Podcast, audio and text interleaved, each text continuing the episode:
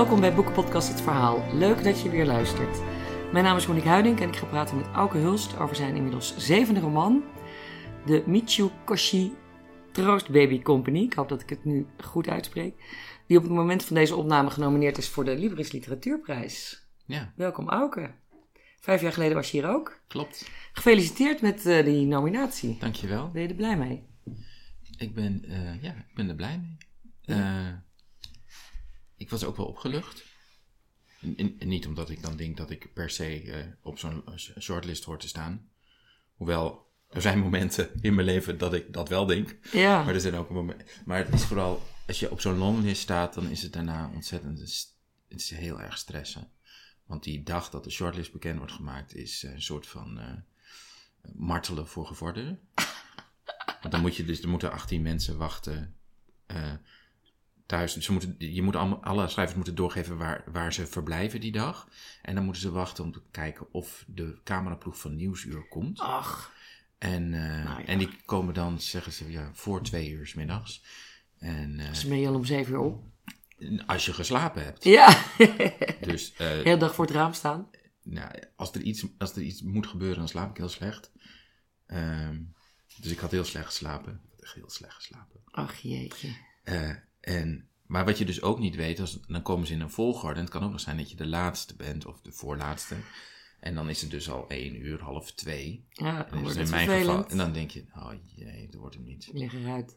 En ik lig eruit. Ja, ja. En toen ging de deurbel.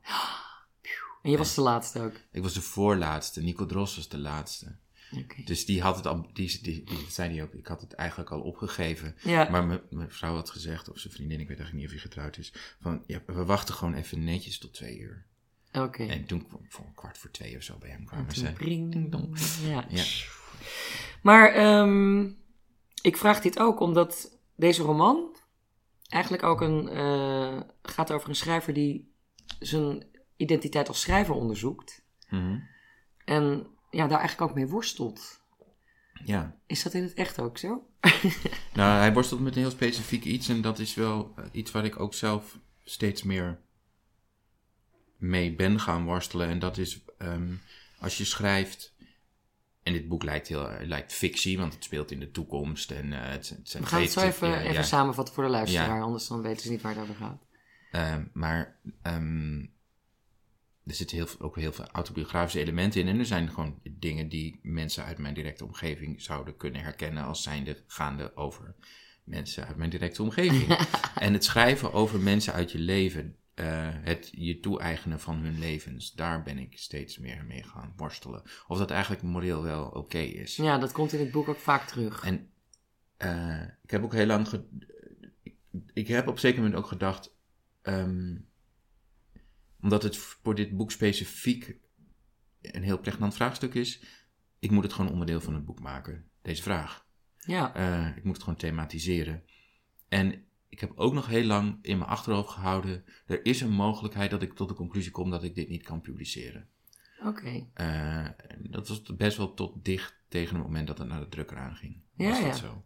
Oh, maar dat zit gewoon helemaal in het boek. We moeten het even voor de luisteraar, anders, eh, Ja, laten we die het boek nog proberen- niet gelezen heeft. Proberen het samen te vatten. Het samen te vatten, ja, dat is eigenlijk niet echt no- mogelijk. Het speelt in 2032, Mhm. dat is over tien jaar.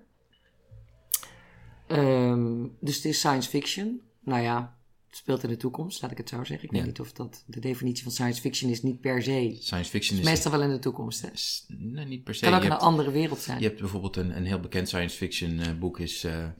eh, The Man in the High Castle van Philip K. Dick. En dat speelt in het verleden. Maar dat eh, gaat over een alternatieve wereld... waarin de Duitsers en de Japanners de Tweede Wereldoorlog hebben gewonnen. Precies. Dus je hebt allerlei vormen van subgenres. Daarom Dus zeggen we gewoon, super lastig te definiëren, dat kan fiction. eigenlijk niet. Maar goed, het speelt in 2032. Eh, de schrijver Auke van der Hulst, dat is een van der zit ertussen. Of Mhm. heet je eigenlijk wel van der Hulst? Nee. Dus bijna jouw naam. Ja, het is eigenlijk gewoon een signaal van... Dit is gebaseerd op mij, maar ik ben het net niet. Ja, ik doe net of ik er niet ben. Eh, geboren in 1997, dat is hoeveel jaren is die jonger dan jij? 22. Ook 22 jaar. En hij werkt aan een roman met de werktitel De, Los, de Lasso van de Tijd. En tegelijkertijd houdt hij een logboek bij, een soort privédomein, zegt, dus, zo wil zijn uitgever het noemen, achtige uitgave. Het zijn twee boeken in één eigenlijk, in één eh, kaft. Mhm. Ehm, en de samenvatting van, eh, op, die op bol.com staat, zal ik die even voorlezen? Ja, Of wil kan. jij het gewoon even samenvatten? Dat is misschien beter. Ik ben wel heel benieuwd wat er op bol.com staat. Oké. Ik, ik, ik boycott bol.com, dus ik weet het niet. Oh, zal ik het dan maar liever niet Ja, voorlezen? ik ben heel benieuwd. Er staat het volgende. Ik ga het nu proberen netjes voor te lezen. In de nabije toekomst koopt een eenzame science fiction schrijver een robotdochter die het verlies van een ongeboren kind moet goedmaken. Ondertussen werkt hij aan een roman waarin zijn alter ego terugkeert in de tijd, met het doel de loop van de geschiedenis zo te veranderen dat zijn ongeboren kind alsnog geboren kan worden, al was het maar in een, verhaal. Laat de werkelijkheid en fictie zich in de handen van de schrijver wel dwingen? Vraagteken. Dit is, is- gewoon, dit is de flaptekst en die Oh. heb ik zelf geschreven. Oké, nou, Dus eh, ik ben bekend met deze tekst. En deze, dat is samen, de goede samenvatting. deze samenvatting klopt. Daar kun je, ga je mee akkoord. Eh, ja. Ja, oké. Dus je hebt een, een eh, dat, dat, dat logboek is in de ik-vorm Mhm. en de roman is in de derde persoon enkelvoud. Mhm. Eh, hij heet in de ik- in de ik-vorm Auke en in de hij-vorm Kai. Kai. Ja. En het gaat eigenlijk over, eh, vooral over een liefde met, met in het echt, of in het echt, in het logboek Mila. En die heet dan in het boek weer Sam. ja. Ehm, de eerste zin, dat vind ik wel leuk, want je, je vorige roman hadden we toen over eh, vijf jaar geleden, toen je hier ook in de podcast was. En ik herinner me Titus Broed- Broeder- Broederland, die begint met N, dat is een beetje gek voor een titel. Nou, het sterker nog, die begint met een uh, bletsel, met die een puntje, puntje, oh puntje. ja, puntje, en, puntje, ja, inderdaad. En gewoon ja. midden in de zin vallen, ja. En, en in dit geval begin je, begint dit boek met een doorgestreepte zin. Ja. Vind jij leuk, hè, dat soort dingetjes? Nou, het is, het is, het, het, het- in dit geval is het ook van betekenis. Ehm, Ik zal het voorlezen. ja, De eerste zin is, ik wou dat ik het allemaal over kon doen. En die zin is doorgestreept. ja. Het zijn eigenlijk, het, die twee boeken die gaan in zekere zin over eh, het onvermogen je bij iets neer kunnen leggen, namelijk een verlies.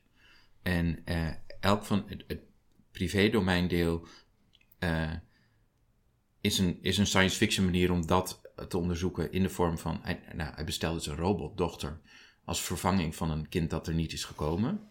Eh, dat is een vorm van je niet kunnen neerleggen bij verlies. En in de Lasso van de Tijd, de roman in de roman, ehm, eh, reist de hoofdpersoon de hele tijd terug in de tijd om te kijken of hij, of hij de loop van de geschiedenis kan veranderen. Wat ook een vorm is van je er niet bij neer kunnen leggen.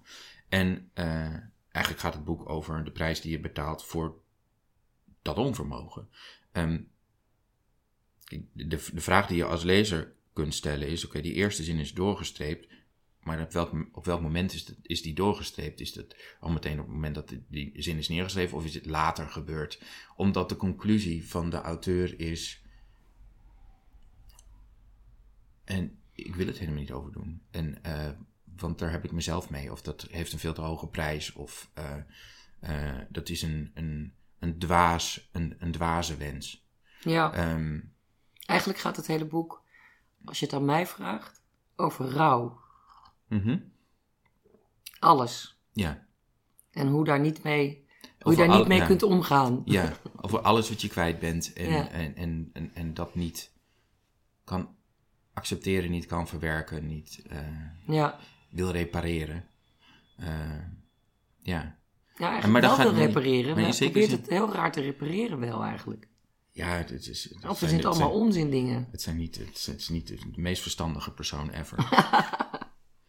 maar in zekere zin gaat natuurlijk, want het boek gaat in die zin ook over literatuur. Veel literatuur gaat daar ook over, want dat is ook hernemen, opnieuw tot leven wekken van eh, vaak van iets uit het verleden. Ja, Eh, en het is ook een onver... gaat, is eigenlijk ook... Heel veel literatuur kom- komt ook voort uit een onvermogen om dat...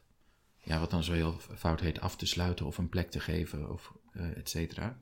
Ehm, ja, dat is waar. Want ik heb, ik heb een heleboel citaten heb ik opgeschreven. En ik heb jou ook een overzicht gegeven van alle citaten. ik ben heel benieuwd. Maar er zit inderdaad een heleboel eh, zelfreflectie in, op, of, of gewoon eigenlijk eh, analyses over wat een schrijver doet of wat literatuur is.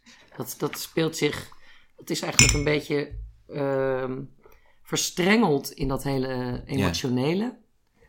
En in feite is natuurlijk eh, schrijven ook creëren. Ja, En dan zeg je bijvoorbeeld op een gegeven moment: schrijvers bespioneren hun omgeving. En het verraderlijke van proza ligt niet alleen besloten in het leugenachtige ervan, maar ook in de wijze waarop verzwijgen hint op wat er verzwegen wordt. En zo maak je het allemaal super ingewikkeld. Eh, nou ja, vind je. Ja, op een hele, ik vind het wel heel erg interessant en heel erg leuk. Ehm, Maar je, je merkt gewoon aan, die, aan die, die twee personen die eigenlijk één zijn en die jij eigenlijk bent, dat het met een geweldige worsteling, een kijk, het enorme ding- worsteling te- gepaard gaat. eh, als je, je zou denk ik, eh, als je van buiten naar een schrijver kijkt, zou je denken, nou, als je ervaring krijgt, dan wordt het steeds makkelijker om te schrijven, maar het wordt dus steeds moeilijker. En dat heeft ermee te maken dat op het moment dat je begint, ja, dan, dan, eh, dan doe je maar wat. En dat, dat, je staat er niet zo, zo ontzettend bij stil wat het nou eigenlijk allemaal is en hoe het werkt en wat, wat, wat is dat schrijven eigenlijk. En je verhoudt je nog tot geen eerder werk. Nee, en, eigenlijk nog, en, en überhaupt nog niet tot, tot, tot de kunstvorm en, het ambacht. En, en, eh, en de gevolgen ervan in je omgeving bijvoorbeeld ook niet. Eh, en hoe ouder je wordt en hoe meer je schrijft, hoe bewuster je daarvan wordt en hoe ehm, confronterender eigenlijk die bezigheid wordt en ook hoe moeilijker te verkopen aan jezelf.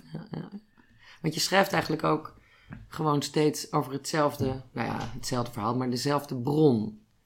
Put je steeds uit. Dat was met eh, Titus Broederland Ja, en bij het Ja, Kinderen van het. Het is je jeugd. Je eigenlijk gaan al mijn boeken over hetzelfde. het over je vader. Het gaat, het gaat over. eh, al mijn boeken gaan, denk ik, over buitenstaanders en hoe ze, zo zijn, hoe ze buitenstaanders zijn geworden en hoe je als buitenstaander een plek kan. Hoe je een plek kan veroveren of vinden in de wereld. Ja, Eh, en dat is bij Titus Broederland, is dat, denk ik, het duidelijkst. Omdat dat boek gaat echt over twee. Het gaat over twee dat boek gaat over tweelingbroers die. eh, door het simpele feit dat ze tweelingen zijn. eh, in die wereld. ehm, buiten de wereld staan. Omdat tweelingen in die wereld ter dood moeten worden gebracht. omdat ze de kinderen van de duivel zijn. ja. Eh, dus dat, is, dat, is, het gaat heel evident over buitenstaanders. Even zeggen tegen de luisteraar. Vijf jaar geleden hebben we het hierover gehad. Gewoon naar beneden scrollen. Ja. En dan op terugzoeken naar, eh, nou ja, vijf jaar geleden. Ik denk 2017 eh, zal dat geweest zijn. En dan kun je daar horen, alles horen over dat boek, over die Ja. roman. Maar dat En klopt. hoe ik daar vijf jaar geleden over dacht. Ja, Wat niet per se. hetzelfde is als nu. Dat weet ik eigenlijk niet. Maar goed, het gaat Ja. even voor degenen die dat allemaal nog helemaal niet gehoord hebben en ook dat boek niet hebben gelezen of je vorige boeken. Jij bent op, je hebt een hele bijzondere jeugd gehad. Je bent opgegroeid in een soort Pippi Lankha, Lankhuishuis in Noord-Groningen. Nou, meer Noordoost. oost. Eigenlijk, nou, echt, als je een, een, een lijn. Echt, ten oosten van de stad. Dus als je. ehm, ik Van de kreeg stad Groningen. Ja, ik, ik noem het zelf altijd Oost-Groningen. Maar ik kreeg dus laatst met Groningers aan de stok. Die vonden dat het nog net niet Oost genoeg was om Oost genoemd te mogen worden. Oh. Want dat is. eh, ze zei van nee, nee, nee, dat is niet Oost. Dat is nog midden. Ah, Oké. Maar het is in ieder geval op de gasbelt ja, het is, in daar, het, is in, het is in het aardbevingsgebied. Ja. en in het aardbevingsgebied. Maar dat, dat was toen nog niet een aardbevingsgebied. Hoewel er wel geruchten waren dat er toch wel eh, gekke dingen gebeurden. Ehm, maar en, en het voornaamste was dat mijn, mijn vader is heel jong overleden. toen en, ik bijna acht was. ja, en mijn moeder is een ehm, hele bijzondere vrouw. Eh laat ik zeggen, niet super geschikt eh, voor, Voor het moederschap. Voor het Niet moederschap. erg zorgzaam. Nee. Dus ehm, dan groei je op eh, zonder ouderlijke sturing, eh, best wel buiten de samenleving. eh, en daar komt dat hele gevoel van buitenstaanderschap komt daar vandaan. Ja, Want wij waren natuurlijk een heel raar gezin ook, voor de mensen om ons heen. precies. Want jullie waren ook echt wel afgezonderd. Jullie werden omringd door heel gelovige Ja, we werden bevolking. En jullie gereformeerde boeren. Ja, en jullie hadden dat natuurlijk eh, op een hele andere manier. En, die, en jullie wilden dat, deden daar helemaal niet aan. Nee, dus we hadden ook heel, sowieso al. eh, we de hadden ook heel weinig contact met de buren. Dus zelfs een- bij een optreden, misschien heb ik dit de vorige keer ook verteld, weet ik niet. Maar bij een optreden kwam mijn oude buurmeisje naar me toe. Ik ken haar helemaal niet. En zij zei, ja, eh, ik, heb, eh, ik heb 17 jaar naast je gewoond, maar eh, wij mochten nooit bij jullie Dat staat ook in dit boek, deze anekdote. Ja. Weet je dat niet meer? Nee, ik weet helemaal niet meer wat er in het boek staat. Oké. Nee, niet helemaal, maar het is heel veel wat ik niet meer weet. Ja, maar die anekdote staat ook in, het, in dit boek. Ehm, Nou, dat is dan dus echt gebeurd. ja, Mensen. maar je, je beschreef het vorige keer ook als The Lord of the Flies. En dat is dus gewoon een onveilige omgeving. Dat is een Ja. heel belangrijk begrip om even ook nu weer te zeggen. Ja, een heel, en heel, heel veel vrijheid, maar ook wat vaak de prijs is van echt totale vrijheid, is eh, onveiligheid. Omdat alles kan, maar dat is ten goede en ten kwade. Alles Ja. kan gebeuren. Ja, precies. Eh, En je krijgt dan ook een fenomeen dat heet onveilige hechting. ja. En dat speelt ook in deze roman weer een enorm grote rol. ja, in zekere zin is het daar een onderzoek van. Ja, Ja, eigenlijk wel. En da- daarom zeg ik ook, het gaat eigenlijk over rouw, want dat hoort daar gewoon bij. ja, Er hoort eigenlijk continu verlies bij. Of hè, als je niet kunt hechten, maar je, gaat, je zit natuurlijk niet in, als een kluizenaar ergens in op een berg. Je, je hebt toch met andere mensen te maken. ja, Dan is dat continu die spanning van, oh god, en dan gaan we ze weer verliezen natuurlijk. Of ik wil het niet, of weet je wel, ik, ik, ben, ik Ja. durf het niet aan. klopt. En, en, het, en daarmee voed je eigenlijk eh, steeds weer het verlies, want het verlies herhaalt zich. Ja. Herhalings, eh, wat, wat Freud herhalingsdwang noemde, dat speelt, dat speelt ook een rol. Hoe, hoe de geschiedenis zich steeds in een andere vorm herhaalt. Ja, het is gewoon dwangmatig eigenlijk, hè, wordt het dan. Ja, totdat je iets doorbreekt. It's beyond your control. Ja, Ehm afijn, laten we even een beetje inzoomen op, op, het, op, de, op de twee verhalen, die eigenlijk ook één verhaal zijn. Eh, er is een relatie met, met, een, met, met Mila in het echt. En die relatie is, eh, ja, ehm, ja, hoe zou je die relatie omschrijven? onstuimig. die is onstuimig, gaat aan en uit, zegt aantrekken en afstoten. Ja, Er is heel veel seks. En er is op een gegeven moment een zwangerschap. Om het maar even heel extreem kort samen te vatten. ja, Ehm, die zwangerschap die wordt door haar afgebroken. Terwijl hij, hij vindt eigenlijk dat hij er niks over te zeggen heeft, want het is haar lichaam. Zij is wat dat betreft heel erg eh, liberaal en eh, hè, ook prima. Maar eigenlijk vindt hij het verschrikkelijk. ja, en dat is natuurlijk deels omdat het ook weer een verlies is dat ook in allerlei oud verlies aan het porren is. Eh, ook dat is weer een herhaling van. dat op. Het is ook weer een herhaling van verlies. Eh, Ja. Het verlies van een vader, het verlies van een, van een veilige omgeving, al dat verlies. Eh, en nou, ik, dit is mij in het echt overkomen. Oké. Maar, en dan is, dan, kijk, ik gebruik nu het woord overkomen. En je denkt dus eerst, van dit is me overkomen. En overkomen wil zeggen, je hebt daar eigenlijk geen rol in en het gebeurt je. Mhm. Eh, dus het is correct om te zeggen, ik ben daar in het echt. Eh, ik heb daar eh, deel aan genomen. Ik ben mede aanstichter van hoe die geschiedenis is. Onderdeel van. Ik ben er onderdeel van. Ik draag daarin een deel van de schuld, als er schuld is, of in elk geval een deel van de verantwoordelijkheid. Nou, je hebt in ieder geval het kind verwekt. Ja, ik heb het verwekt, maar dat het Dat uit- kan je niet missen. Klopt, maar dat het, het uiteindelijk er niet is gekomen terwijl je ehm, aan jezelf hebt wijsgemaakt dat jij wil dat het wel komt. Ik zeg heel bewust aan jezelf hebt wijsgemaakt hier, omdat dit hele boek ook een beetje een onderzoek is naar hoe eerlijk ben ik naar mezelf geweest en wat was eigenlijk mijn rol daarin en ben ik eigenlijk eh, ja, hoe zal ik dat zeggen? Draag ik, draag ik hier, heb ik een, eigenlijk een hele andere rol gehad dan ik aan mezelf heb wijsgemaakt. Ja, of je misschien aan zelfbedrog gedaan hebt. Ja. Ja. Ehm, Want? nou, het,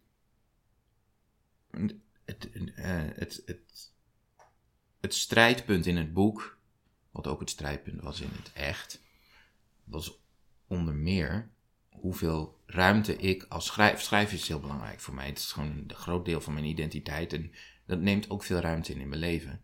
Hoeveel ruimte ik kan maken voor iemand anders. Of dat nou iemand anders is in een relatie of iemand anders in de vorm van een kind of allebei. En eh, daar was wel twijfel over. En ik vond dat onzin. Ah, ja. Maar misschien was dat toch iets minder onzin dan ik dacht. Ja, want in die, die strijd tussen Mila en in de, in, in de roman, het zijn dus twee Ja. boeken, en in de ene heet ze Mila en de andere heet ze Sam, is dat ze eigenlijk zegt van ja, jij kunt helemaal geen vader zijn, want jij, het enige wat belangrijk voor je is, is dat, is dat schrijven. En ze wil eigenlijk dat hij ermee stopt. Ja, Maar ja, Dat is natuurlijk Nou wel ja, erg kijk, veel gevraagd. En wat- daar wat- gaat, krijg je ja. een geweldige worsteling. Ja, maar dat is, dat is, eh, dit is een soort van case study van wat er gebeurt als je twee onveilig gehechte mensen bij elkaar in een ruimte zet. Eh, die, en dit is eh, twee onveilig gehechte mensen bewaken. Die zijn eigenlijk altijd op hun hoede en die zijn aan het bewaken. Van Wat hun, bewaken ze? hun, hun eh, ruimte, hun bestaansrecht, wat er altijd twijfel over is, hun. eh, ze zijn altijd bang om te worden uitgewist door een ander. Bewaken ze eigenlijk niet gewoon een groot zwart gat? Ja, misschien ook. Ja. En, en doordat Die de- gevuld wil worden, maar, maar dat niet, niet te vullen is. ja, maar, Ja. Dan, maar dan raak je ook dat onveilige kwijt. Ja. Dat is natuurlijk een motor. Ja. Ehm, Twee zwarte gaten. Ja, weet je wat er in het echt gebeurt als twee zwarte gaten elkaar ontmoeten? Nou, It's quite spectacular. dan krijg je een heel groot feest. Ja, dan krijg je een heel groot feest. Dit is eigenlijk wel een heel goed, een goede vergelijking. Ehm, Maar dat, maar dat, dat, wordt, dat, wordt, dat wordt dan dus strijd. Altijd strijd Het over... zijn geen ontspannen mensen, het zijn Nee. twee, eigenlijk Het- twee soldaten. Ja, het is altijd strijd om, het Ja. strijd om ruimte. Ja. Eh, en dat is eigenlijk niet zo'n heel goed idee. Het probleem is alleen dat die strijd... En ik heb geprobeerd dat in het boek ook heel tastbaar te maken. Die, die strijd is ook... eh, en verslavend. En je kan ontzettend het gevoel krijgen dat je leeft. En dat er echt iets op het spel staat. Dat alles van belang is. En het is ontzettend goed voor je seksleven. Altijd goed maakt seks. Alle seks is goed, maakt seks bij. Ja. Dat is Eh, ook een strijd in feite. En, het is ja, één groot gevecht. één groot gevecht. Je bent, je bent gewoon in een andere vorm dingen aan het, aan het, eh, aan het uitvechten. Ja. Eh, en wat natuurlijk in zo'n relatie ook speelt, ja, als je twee, twee onveilig echte mensen hebt, en dat is in het boek het geval. Ik ga het gewoon hebben over het boek, want ik wil het niet hebben over de echte Ja, nee, persoon. dat, is ook, dat moet ook. Ja. Eh, als je twee onveilig gehechte, men- gehechte mensen hebt, zoals in het boek, die, ehm, die zijn natuurlijk ook altijd op hun hoede voor het weer teleurgesteld worden, verlaten worden. eh, dat hun, Voor hun beeld, hun, hun, voor de pijn, dat hun beeld van, een, van, van de mensen, mensen zijn, zijn diegenen die jou in de steek laten, bevestigd gaat worden door die ander. Eh, en dat geeft ook een hele ongezonde dynamiek. Ja. Ehm, En ondertussen doen ze het juist elkaar ook aan. ja. Eh, Ja. ja. Ze zitten gewoon, hoe heet dat dan? Heet dat niet in het Frans? Een amour fou? Ja, Een, een amour fou. Een folie à deux. Ja. Een amour fou. Ja. Precies. Nou goed, De even... Fransen hebben overal goede woorden voor. Ja, het klinkt ook zo mooi in het Frans, hè? Ja. Ehm, even terug naar, eh, naar het verhaal. Dat, dat kind wordt geaborteerd. Ze komen erachter dat het een meisje had zullen worden, had kunnen worden. En ehm, nu bestaat er in 2032 een fenomeen en dat heet de Mitsukoshi Troostbaby Company in Japan. En daar maken ze robotkinderen Ja. En die, die robot, zeer erg op lijken op een echt kindje. ja. En die robotkinderen worden ontworpen aan de hand van... Ze analyseren het DNA en, en in een computer maken ze een... een- een, eh, laten ze, maken ze een, een model eh, aan de hand van het DNA. Van Ze- vlees en niet Maar- van bloed, en- maar wel van soort van vlees. En dan, en dan aan de hand van het model dat in, in, in een computersimulatie wordt ge- gecreëerd, gaan ze, dat gaan ze dan nabouwen. Eh, in een soort van vleesachtige substantie. Iets wat in ieder geval gigantisch op een kind lijkt. Het, het gigantisch op een kind lijkt en ook eh, is uitgerust met artificial intelligence en met eh, spiegelneuronen die het een empathisch vermogen geven. En, ehm, dus- Spiegelneuron is dat je spiegelt wat, dat, dat je emoties in iemands gezicht of in motoriek kunt lezen. kunt lezen, herkennen, herkennen en nadoen en daardoor Ja, ook kan, in, en kan invullen. Ehm, wat de basis is van empathie, eigenlijk. Zeker. En de, de schrijver in kwestie koopte dus een kind. Koopt dat kind. Koopt een kind van zeven. Ja, En dat kind is opgebouwd uit het DNA van het geaborteerde kind. ja en is- je, moet, je eigenlijk zeggen, het is, een, het is, het is geëxtrapoleerd uit. Ja. Want dat, dat, Dus het is die wat- foetus ja. hebben jullie begraven. Nou, Jullie, ik bedoel, ja, sorry dat ik nou jullie zeg, dat is echt heel raar. De foetus hebben ze begraven. Er staan ook best wel veel verzonnen dingen in dit boek, kan. En dat wordt weer opgegraven. Ja, maar het- ja want dat, ik denk dat het hele concept van dat het 2032 is eigenlijk ook gewoon... Het is gewoon 2022, toch? Dat is ook gewoon verzonnen. Maar dit is even een grapje. Eh, in het boek wordt het foetus opgegraven eh, nadat het een paar jaar daar heeft gelegen. En op een of andere manier kan uit dat die overblijfselen van Ja. dat vruchtje... kan DNA van zowel de, de jongen, Kai, slash Auke... als de vrouw, Mila, slash Sam... En de samenvloeiing daarvan. Ja, precies. Dat, Ja. En daaruit kan dat kind worden gemaakt. Dus het is eigenlijk echt bijna het kind Ja. wat je niet hebt gehad. Overigens moet dat natuurlijk gewoon kunnen, want eh, ze, ze, ze kunnen nu nog DNA onttrekken uit, eh uit, uit mammoet. Eh, Ja, tuurlijk. dus Dat kan gewoon. dat kan. Over tien jaar is dit gewoon normaal. Dat denk ik niet, want het is, het is natuurlijk een enorme morele Ja, dat is het consequenties. Het kind wordt Scotty genoemd. Ja. Is dat van eh Beam Me Up Scotty van Star Trek? Nee, dat is, eh, het kind is genoemd naar de dochter van F. Scott Fitzgerald. Oh. Francis Scott, roepnaam Scotty. Ah, oké. Dat is leuk. Dat is even leuk om te weten. Er staan trouwens ook heel veel voetnoten in. Even... Mhm. En dan wordt er dan allerlei voetno- voetnoten met eh, citaten uit boeken die nog helemaal niet eh, kunnen zijn geschreven. Met boeken die wel zijn geschreven en boeken die, Ja, nog, beide. Niet, die Ja. nog niet zijn geschreven. Ja, en dat is. eh,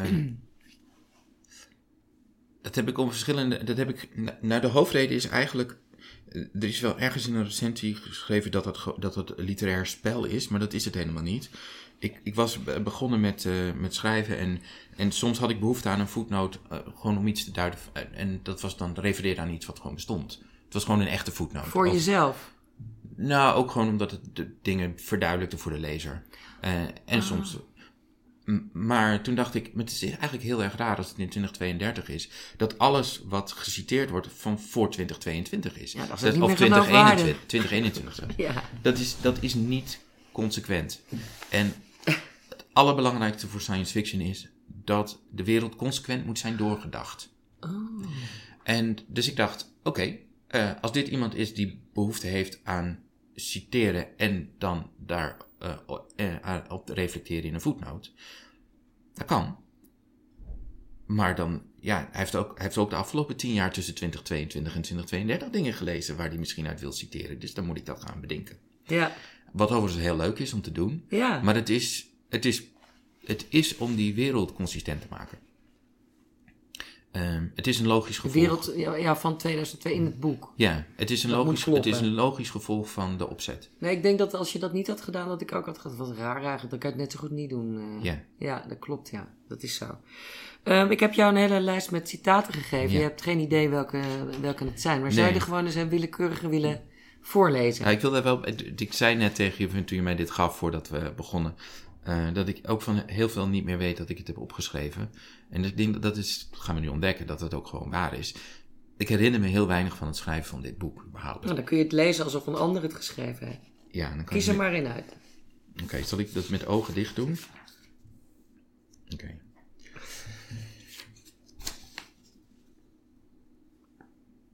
Het verraderlijke van proza ligt niet alleen besloten in het leugenachtige ervan, maar ook in de wijze waarop verzwijgen hint op wat verzwegen wordt. Nou, die heb ik net toevallig ook Ja. voorgelezen. Ik deed echt met ogen dicht. en, ja. eh, Maar misschien kun je die eronder ook voorlezen. Die gaat over science fiction. Dat is wel een wat langer citaat. Oh ja, over het genre science fiction. Ja. Tegelijk ergert het label me. Literatuur komt voort uit het rijk van de geest, een binnenwereld die expansief en onbegrensd is. Afbakening daarvan is tegennatuurlijk. Wie piketpalen slaat, reduceert om redenen van commercie of literair tribalisme een continuum tot kasten, tot kluisters. Wat ik beoog is cerebraal en intuïtief, een literatuur die geleefde, gedroomde en verzonnen geschiedenis vervlecht, die put uit mijn autobiografie en de vorm van toekomstgeschiedenis aanneemt. Waar ik op hoop zijn schitterende ongelukken die zich kunnen voordoen wanneer het bewuste en onderbewuste een duet aangaan of een duel. Alleen zo kun je recht doen aan de smeltkroes van de bovenkamer, waar de enige vorm van alchemie plaatsvindt waarin ik geloof. Ja, dus dat is. ehm, dat is. Oh ja, wat is, wat is het eigenlijk? Ik wil, ik wil het er weer gaan invullen, maar wat Ja, zegt hij hier eigenlijk? je, je, je zou bijna kunnen zeggen dat dit een, een literair programma is. Eh, ehm, nou, het, het komt voort uit. We, we begonnen net van science fiction is heel lastig te, te, te, eh, te definiëren überhaupt. Alleen eh, in het hoofd van ehm, ehm, mensen is het eh, heel makkelijk te definiëren, vooral als ze het willen wegzetten. Als ze willen, recensenten zijn er heel ja, lang het heel wordt goed niet, in geweest. niet super serieus het genomen wordt als niet serieus, nee. Het is ook fantasy en, je hebt Ja, allemaal... en aan de, ene kant, aan de ene kant, science fiction is heel belangrijk voor mij geweest in mijn wording als lezer überhaupt. En in, mijn, in de vorming van eh, mijn manier van denken. Eh, en ook daardoor van mijn manier van schrijven. Eh, maar dat label stoort me dus ook omdat, omdat er heel veel vooroordelen aan hangen. Maar Maar het, niet serieus genomen wordt. ja, maar dat stoort me ook om een andere reden. En dan kom ik op dat het zo lastig te definiëren is. Je doet alsof er een heel ja, eh, nauw omschreven hokje is. Daar kun je het inproppen, een la die je vervolgens dicht kan doen. En, en, en, no- en nooit meer open hoeft te maken. Eh, maar dat geldt natuurlijk voor heel veel hokjes, literaire hokjes. Terwijl literatuur kan alles zijn. En eh, ik vind die hokjes heel beperkend. Ik vind het heel mooi dat je dit zegt, want dit is volgens mij ook een van de kernen van het verlangen dat in al jouw boeken zit. Of in heel veel van je zinnen in ieder geval. Ehm, er staat op een gegeven moment ook door Scotty, dat is dus dat robotkindje wat je dan hebt, eh, in huis hebt gehaald. Door Scotty heb ik weer toegang tot die pure verwondering. Een soort diep inademen van de geest. Dat heeft je als kind natuurlijk gered. Ja, absoluut. En dat blijft voor jou altijd die, dat kinderparadijs dat er toch ergens wel was. Die, Ja. verbeeld, die verbeeldingskracht. Ja, en, en eh, ik merk aan mezelf dat ik eh, een grote behoefte voel ook altijd om science fiction te verdedigen, omdat het zoveel voor mij heeft betekend. Eh, Maar dan sta je eigenlijk weer in het ruige land. eh, in, hoe heet het? Hoe heet het ook weer? Denemarken. Denemarken, Het gehucht ja, Denemarken. Het gehucht Denemarken, ja, niet het land. Ja, precies. Sta je weer te roepen tegen de boze buitenwereld. Het is hier wel heel erg mooi. Nou, het, het is, eh, het was vooral soms mooi in mijn hoofd door die boeken. Ja, en mijn hoofd werd er heel groot van, omdat, omdat het alle mogelijke werelden bevatte. je kunt gewoon ontsnappen. Je kunt ontsnappen, maar het is niet alleen ontsnappen. En daar schrijf ik wel iets over, dat herinner ik me. Daar schrijf ik ook iets over in het boek. Eh, het is niet alleen ontsnappen, het is, het is wegtrekken, maar het is ook naderen. Want ehm, wat fijn is aan science fiction, en dan heb ik het over een specifiek soort science fiction, eh, de, laat ik zeggen, de, de, de experimentele testopstelling waarmee je de wereld onderzoekt. Ehm, het fijne daarvan is dat je dus ook, terwijl je wegvlucht in een verzonnen universum, heel veel leert over hoe de wereld in elkaar zit. Eh, het zet je ontzettend aan het denken. En ook dat is mijn redding geweest, omdat ik dus, terwijl ik aan de ene kant aan het vluchten was uit een onaangename situatie, eh, toch eh, een manier van denken heb geleerd die me ontzettend heeft geholpen bij het functioneren in, in die boze buitenwereld die ik niet begreep. Ehm, dus het is, het, is, het, is, het, heeft, het is een tweesnijdend zwaard. Eh, ja, en daarom zal ik dus science fiction altijd verdedigen. Het, wat trouwens wel interessant is, is dat uitgevers vinden het dus verschrikkelijk. Juist vanwege al, alle vooroordelen die eraan hangen. En ze willen liever dat het er niet op staat, bijvoorbeeld. Ja. Rob van Essen heeft me een keer verteld dat op De Goede Zoon, dat hij, er, dat hij als beschrijving van De Goede Zoon erop wilde hebben, autobiografische science fiction. En dat hij zich heeft laten overtuigen. Dan verkoopt het niet. Science fiction, daar moet je het er niet op zetten. Ja. En, flauw, eh, ja. ja. Maar eh, ja, Nee, ik noem goed. dit gewoon autobiografische science fiction. Because that is what it is, man. Dat is het ook, ja. Laten we eh, elkaar geen mietje noemen. Ja. Ehm, Ik hoop dat Rob me niet kwalijk neemt dat ik dit zeg, maar... Anders dan... eh, ik, ik, ik, zie de boze mail graag tegemoet. ja, precies. Ehm, wat ook interessant is, dat, eh, dat er zijn ook parallellen met wat er gebeurt met dat meisje, met Scotty. Want, want zij wordt namelijk gepest op school. En dat doet hem dan ook weer enorm veel verdriet, omdat hij zelf ook die, zo'n kille ontvangst eh, Ja. op zijn, la- in ieder geval lagere, hij het basisschool. Had Ja, gehad. Dus, hij, dus, dus je geeft eigenlijk als... Jij hebt Scotty... Hij, hij ziet natuurlijk gewoon zijn, zijn, zijn eigen buitenstaandersgevoel geëchoed in zijn kind. En dat is, dat is verschrikkelijk. Ja, precies. Want je schrijft op een gegeven moment ook zoiets als... Dat de armoede uit je jeugd... Want jullie waren natuurlijk ook gewoon straatarm. Jullie waren ook Ja, blij dat soms- je soms waren- hadden of zoiets. Soms waren we straat, echt straat, straatarm en er werd ook wel van, van alles werd er afgesloten de hele tijd. En dan Mm. kwamen deurwaarders aan de deur. En soms dan kwam er zo'n mysterieus schip met geld binnen. En dat werd dan Oh. op verbijsterende snelheid over de balk gesmeten door mijn moeder. Oh ja. Dus het is, het is eh, ja, het, het was heel raar. Maar, Ja, maar door die... die je, je beschrijft bij, bij ehm, Auke en zo, ook bij Kai, dat eh, door die armoede je ook een outsider bent geworden. Dat je heeft getekend. ja, En dat je uiteindelijk, want hij gaat op een gegeven moment ook in Amsterdam wonen. Terwijl hij ook nog een verbonden heeft met de stad die stad heet. En Ja. dat neem ik aan, dat is gewoon de stad Groningen. ja, voor Groningen is- Groningen stad. Ah, precies. Ja, die Ja. heet stad. Die heet de gewoon stad, stad, maar ja. stad. Maar dat, dat hij ook in Amsterdam is een outsider. Dus het is continu eh, als een maan eigenlijk, een satelliet, om, om leefomgevingen heen te cirkelen. Ja, En dan eigenlijk van buitenaf beschrijven wat je ziet. Ja, eh, maar dat is natuurlijk eigenlijk. Ik denk dat dit voor heel veel schrijvers geldt dat ze vanuit een, eh, een tekort en een gevoel van niet bij de wereld horen, z- zich op jonge leeftijd al hebben eh, tot observator hebben. Het is van buiten, het is van, het is van buiten naar binnen kijken en proberen er iets van te begrijpen. Ja. Maar wel altijd vanuit het gevoel: ik hoor hier, ik hoor hier niet bij.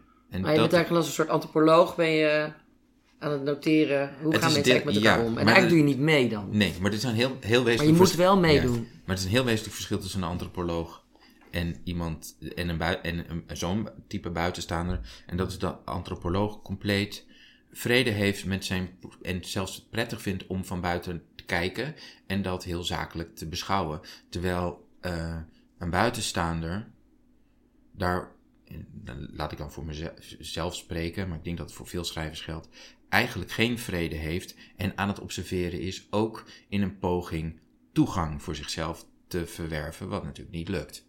En erger nog, als het wel lukt, dat je het niet gelooft.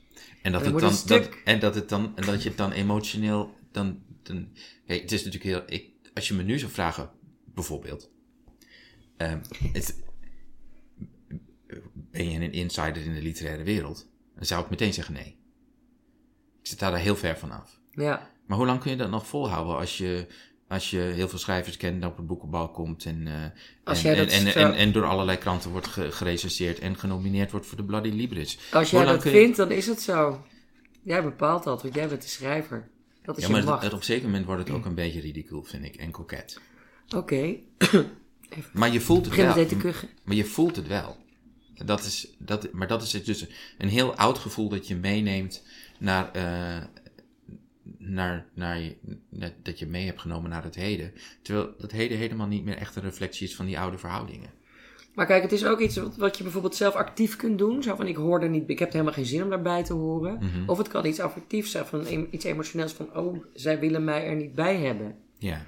Daar zit natuurlijk wel een ander soort pijn. Ik denk eigenlijk dat er twee houdingen zijn die uit dezelfde pijn voortkomen. De een is, is preemptive strike. Ja, precies. En de ander is, eh, is, is niet preemptive strike. Nou, je hebt ook wel echt van die ontzettende buitenstaanders die echt scheid hebben aan iedereen. En denken, stik er maar in, ik doe precies wat ik zelf wil. Ja, die heb je, maar, zijn er, het, zijn er, het zijn er niet veel. Ja. En eh, ik, bij de meeste herken je de preemptive strike van, van verre. Ah, oké. Je hebt er ook een fijne neus voor waarschijnlijk. Punt is nu wel dat, we begonnen daar eigenlijk al mee, dat eh, je schrijft toch autobiografisch eh, eigenlijk wel, hè? Is zo. Heb je al toegegeven. Mhm.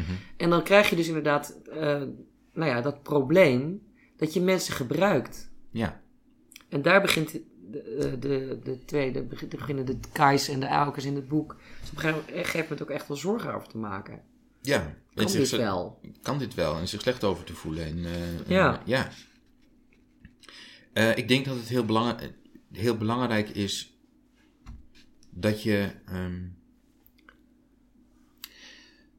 hoe ga ik dit? Toevallig was ik gisteren op een avond die hierover ging. En ik werd geacht het slotwoord te spreken. Dus ik had ge- gelu- hele avond geluisterd naar schrijvers die spraken over hoe het is om te schrijven over je ouders.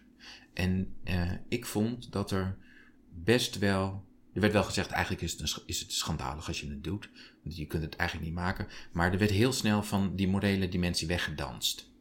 En ik denk dat heel veel schrijvers dat doen, omdat het ook. Je, misschien moet je dat wel doen, omdat je het anders niet kan. Terwijl je diep van binnen denkt: de kunst is het belangrijkst. En eigenlijk moet alles daarvoor wijken. Maar wees daar dan eerlijk over tegen jezelf, zou ik zeggen. Ik denk. eh, en hierin, hierin lopen het boek en ikzelf een beetje uit elkaar. Want ik heb natuurlijk dit boek gewoon gepubliceerd. Ja, Dus ik kom niet per se tot dezelfde conclusies. Maar ik zit wel met dezelfde vragen. ja, Eh, ik denk dat het heel belangrijk is dat je erkent dat het gebruiken, het koloniseren, het je toe-eigenen van de levens van anderen, wat je als schrijver vaak doet, Mhm. op een soms eh, verhulde wijze en soms hele openlijke wijze. Dat je erkent dat je daarmee iemand onrecht aandoet, dat het eigenlijk een schanddaad is. Dat je je daar ook schuldig over mag en misschien wel moet voelen.